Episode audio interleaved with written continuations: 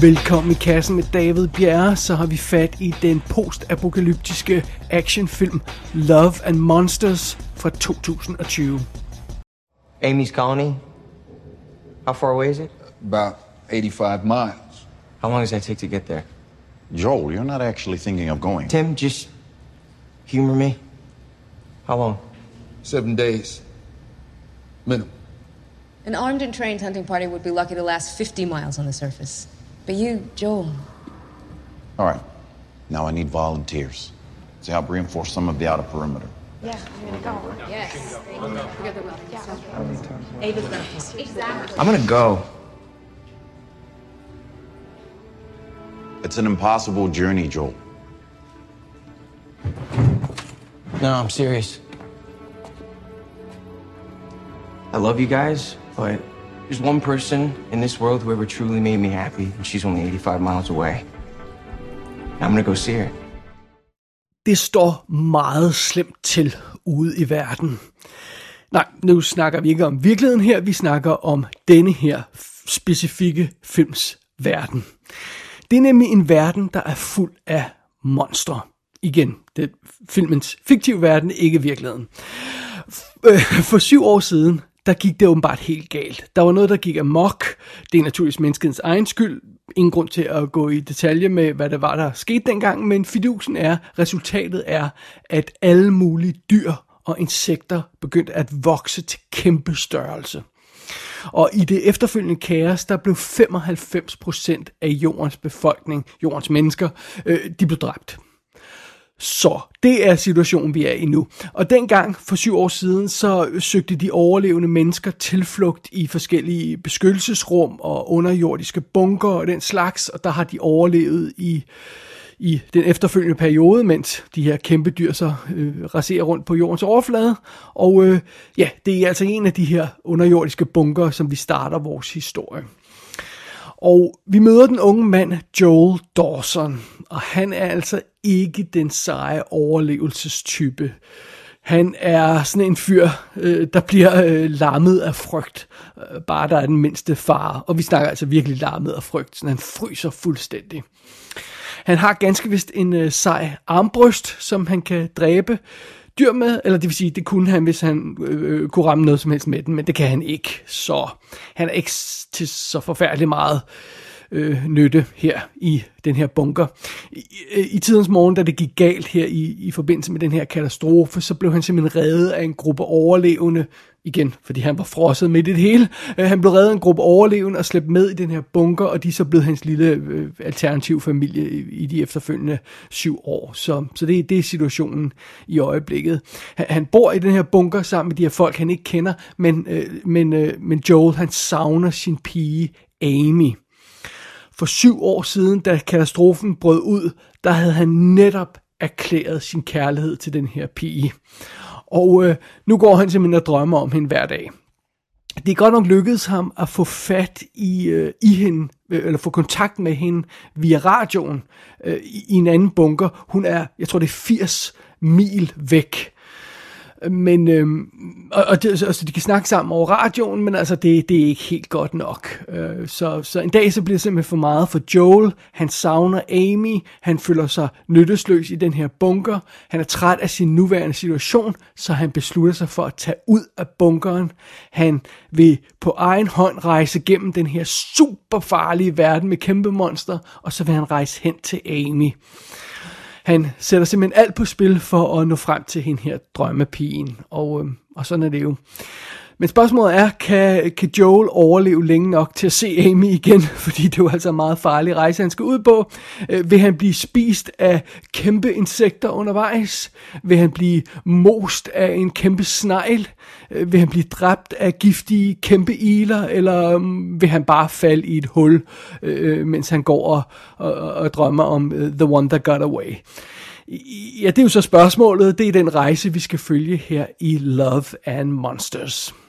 Og filmen, den er instrueret af en gut, der hedder Michael Matthews. Ham kender jeg ikke. Han har lavet en film før fra 2017, der hedder Five Fingers for Marseille. Den må jeg indrømme, jeg aldrig har hørt om, så den øh, skal jeg muligvis tjekke ud på et tidspunkt. Hovedrollen som Joel Dawson bliver spillet af Dylan O'Brien, og ham har vi jo rent faktisk haft fat i her i kassen adskillige gange. Vi har jo snakket om de tre Maze Runner film, øh, The Maze Runner, The Scorch Trials og The Death Cure. Han er med i de tre, det er ham, der spiller hovedrollen i den. Han er med i tv-serien Teen Wolf, eller var i, i øh, seks år, eller hvor meget det nu var, syv år. Og øh, så har han også lavet sådan noget som Deepwater Horizon og American Assassin i, imellem de her Maze Runner film. Men vi har også haft fat i ham i en af hans helt tidlige film her i kassen, The First Time, som var en super, super sød romantisk film om, ja, to unge øh, folk, der bliver forelsket. Så sådan er det. Uh, han, han, er, han, er, han er en uh, cute kid, uh, Dylan O'Brien, men han, uh, han spiller det på samme måde i alle film, så det, men det er jo fint nok. Det, det, det er jo mange skuespillere gør. Sådan er det. Uh, som den søde, smukke Amy, der har vi Jessica Henwick. Uh, jeg kender hende ikke super godt. Hun uh, er med i Iron Fist tv-serien. Vi har, har åbenbart haft hende i kassen før. Hun er en af øh, uh, karaktererne i Underwater fra 2020. Og så er hun med i den kommende Godzilla vs. Kong og Matrix 4. Så hende kommer vi nok til at kende uh, en del bedre i fremtiden.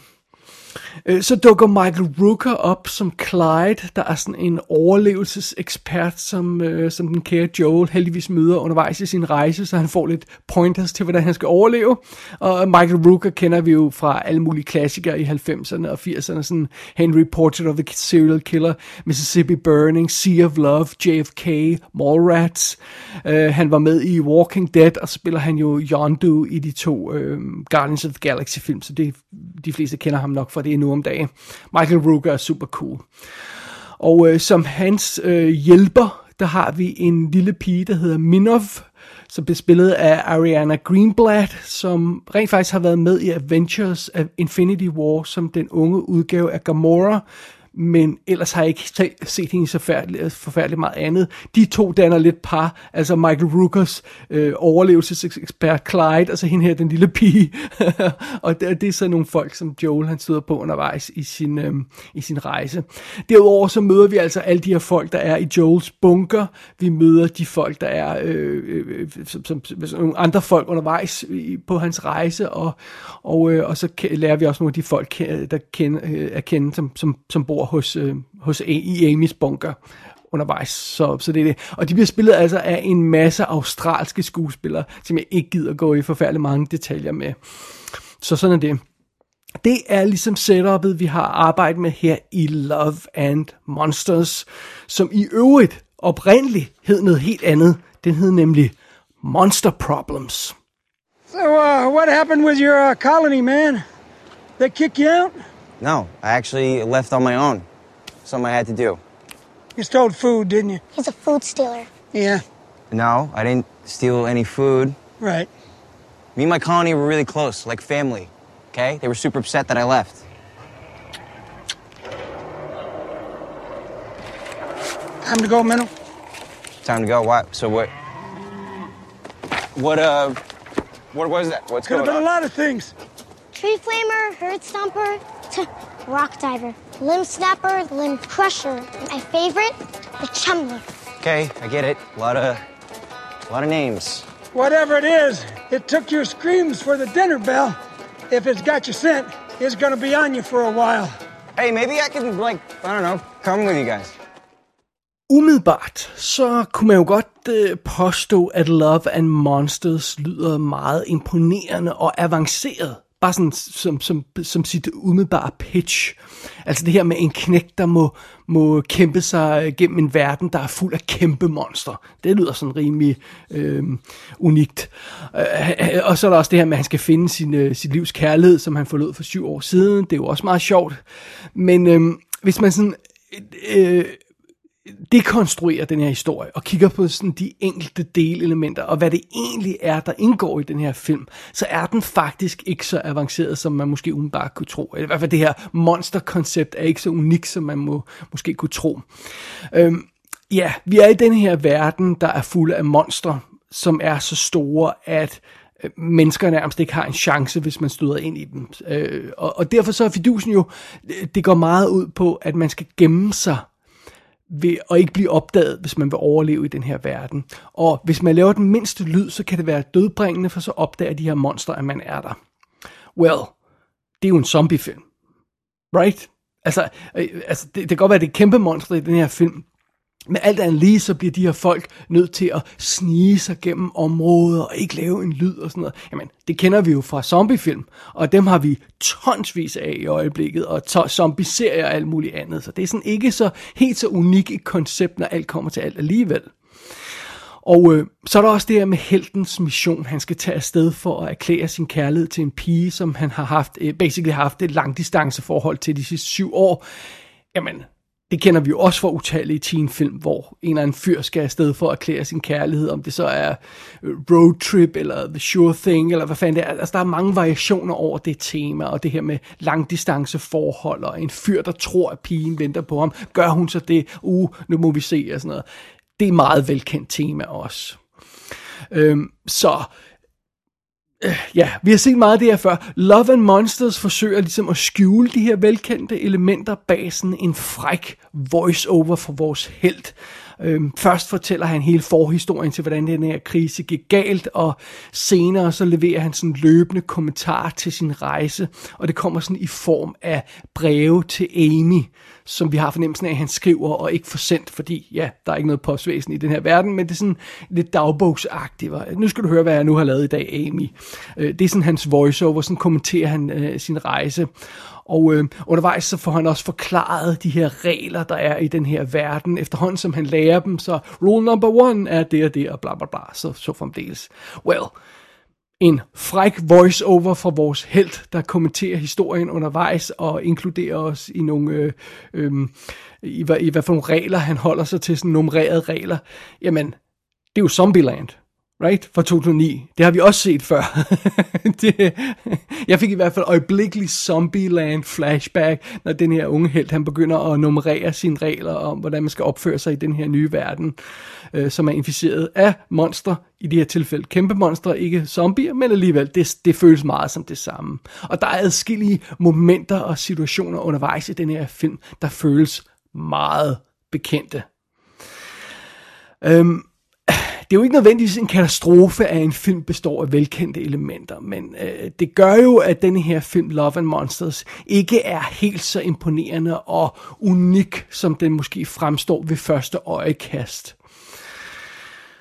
Derudover, så har jeg altså et par lidt mere konkrete problemer med historien i Love and Monsters. For det første, denne her rejse virker idiotisk den her rejse, vi skal ud på. Ham her Joel, vores unge held, han bliver etableret som en bangebuks, øh, der ikke kan, hvad det man siger, øh, øh, øh, hælde vand ud af en spand, hvis instruktionerne står på bunden. Altså han, han virker virkelig inkompetent. Han har ingen overlevelsesevner, han kan ikke skyde, og han har åbenbart nærmest ikke engang været udenfor i det fri de sidste syv år. Alligevel synes han, det er en fantastisk god idé at tage ud på den her rejse, ud i den her verden.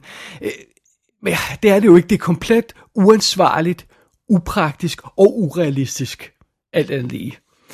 Og øh, derudover behandler filmen hans rejse, eller man skulle måske snarere sige selvmordsmission, på sådan en lidt irriterende måde. Fordi øh, for eksempel når vi ser Joel starte hans rejse, så træder han ud af den her bunker, og så kigger han rundt, og så går han den ene vej. Nå, nu skal jeg afsted for at møde der, hvor Amy hun er. Åh, oh, nej, så opdager han, åh, oh, det er nok den anden vej, jeg skal gå. Så går han den modsatte vej. Åh, oh, oh, nej, det er nok ikke den vej. Jeg må hellere gå den tredje vej. La la la la la. Altså, really? Den her Gud skal vade gennem en dødbringende verden på en dødsens farlig mission. Og han ved ikke engang, hvilken vej han skal gå. I'm sorry, det er ikke sødt eller sjovt. Det er bare fucking snot dumt. Altså, det er det. det Hvem skal gå den modsatte vej af, hvor Amy er? Altså, det, det giver jo ingen mening. Altså, altså man sørger da i mindste for at finde ud af, hvad for en retning man skal gå i. Øhm, og jeg mener om generelt, så synes jeg ikke, at den her Joel-karakter er sød og charmerende. Jeg fornemmer, at det er sådan, filmen gerne vil have, vi ser på ham. Men Øh, sådan som han opfører sig, der må jeg indrømme, der er det altså ikke rigtig muligt øh, for mig at betragte ham sådan som sød og charmerende. Øh, øh det, det, ikke for mig i hvert fald. Det, det, sådan er det. Altså, for at blive i de her velkendte teenfilm klichéer, så er ham her Joel-karakteren faretroende tæt på at virke som den her velkendte, ynkelige figur, vi godt kender. Ham der, der tror, at han er blevet kæreste med sommerlejrens hotteste pige, fordi hun halvfuld gav ham et kys på kinden øh, på sidste dag, øh, sidste sommer, øh, da de var på lejr sammen. Og nu dukker han op på den nye sommerlejr og tror, at de er kærester, selvom de overhovedet ikke har snakket sammen. Sådan fremstår Joel i den her film. Og det er ikke charmerende. Det er det ikke. Det er ikke sødt. Øh, og øhm, han fremstår altså ikke som den her unge, modige held, der drager ud i verden for at finde sit livs kærlighed. Nej, han, han, han opfører sig som en, øh, en håbløs, naiv, umoden øh, øh, øh virgin character, sådan en cell. altså, det gør han simpelthen. Og det ender med at være ret irriterende og ret anstrengende at se på. Og specielt fordi filmen hele vejen igennem fodrer os med, stopfodrer os vil jeg sige, med sådan en diæt af sukkersøde voice-over breve, som Joel skriver til Amy, hvor han i øvrigt lyver tygt om sine oplevelser i, i, øh, i den virkelige verden der.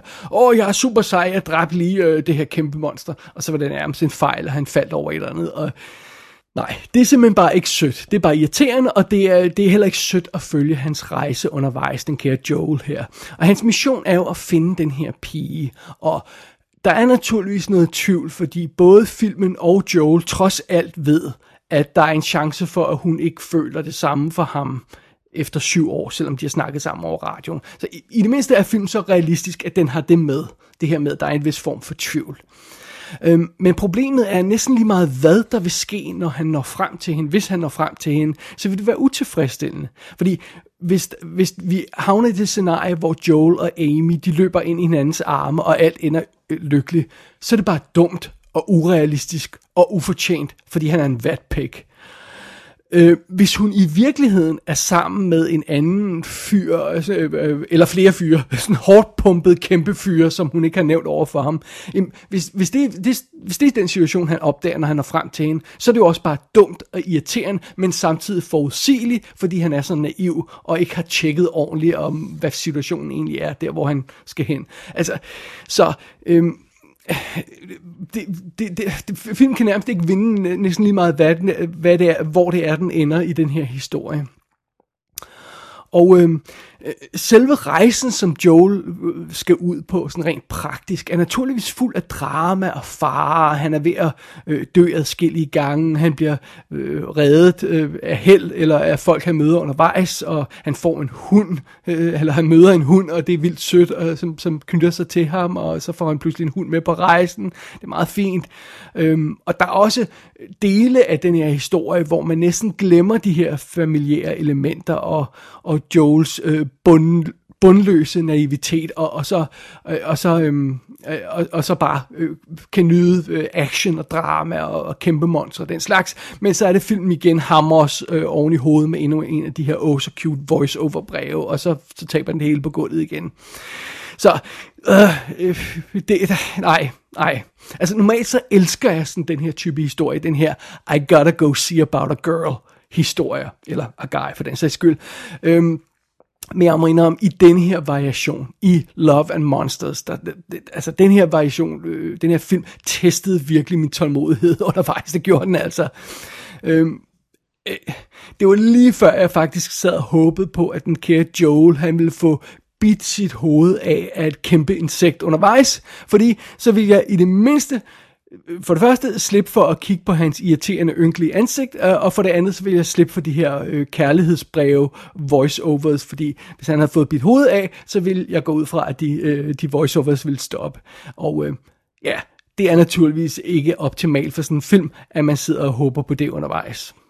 Og nu skal det ikke forstås sådan, at Love and Monsters er decideret dårlig, eller hvad man vil kalde talentløs. Det synes jeg ikke er fair at, at beskrive den sådan. Øhm, de store monsterangreb, vi ser undervejs, er rimelig underholdende og, og visuelt usædvanlige, og øh, selve rejsen gennem den her verden er flot, fordi øh, sådan en postapokalyptisk verden er, er næsten altid spændende at se på, bare sådan rent visuelt.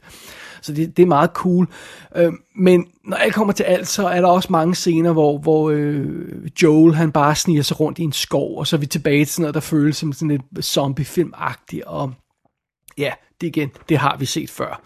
Og øh, egentlig så synes jeg, Love and Monsters er sympatisk nok på papiret, og Dylan O'Brien er også fin nok som, som, som, som hovedkarakter, øh, altså som skuespiller, øh, men... Øh, men, men altså, måske kommer det lidt an på, måske vil den enkelte seers tålmodighed øh, med filmen være lidt afhængig af, hvor, hvor, øh, hvor mange af de film, den minder om, man har set.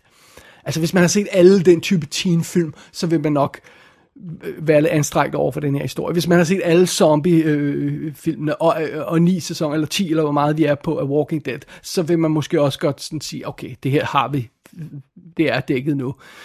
Ja, det kommer an på, hvordan man, man går ind til filmen, den, hvordan den enkelte seer går ind til filmen. For mig personligt, så synes jeg ikke, man behøver at kigge længere end Dylan O'Briens eget CV med film, der er anmeldt her i det her show, for at finde noget, der er bedre. Altså, hvis man vil have en rigtig sød teen-romance om en, en fyr og en pige, der mødes, og hvad, hvad skal der ske med deres forhold og sådan noget, så hiv fat i The First Time. Den er adorable. Den er fantastisk. Og hvis man vil have det her med når en ung mand, der er på en farlig mission i en mystisk verden, jamen, så se dog bare den første Maze Runner film. Den er perfekt, den første, ikke de andre, men den første Maze Runner film er super cool. Så, og det er som sagt begge film, vi har anmeldt her i kassen før, så, så, så dem har vi altså stødt på. Øh, øh, de to film, jeg lige har nævnt her, de leverer varen meget bedre end Love and Monsters. Men okay, jeg må også indrømme, på den anden side, der er ingen af de to film, der har en kæmpe øh, kamp med en ørntvist, der er på størrelse med en bus. Så hvis man føler, at sådan en scene er en essentiel bonus, så øh, skal man da endelig kaste sig over Love and Monsters. På det punkt, der kan den trods alt levere noget, som de andre film ikke kan klare.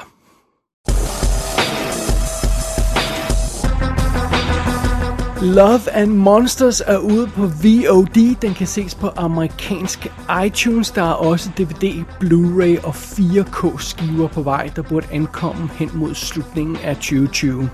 Gå ind på ikassenshow.dk for at se billeder fra filmen. Der kan du også abonnere på dette show og sende en besked til undertegnet. Du har lyttet til I Kassen med David Bjerre.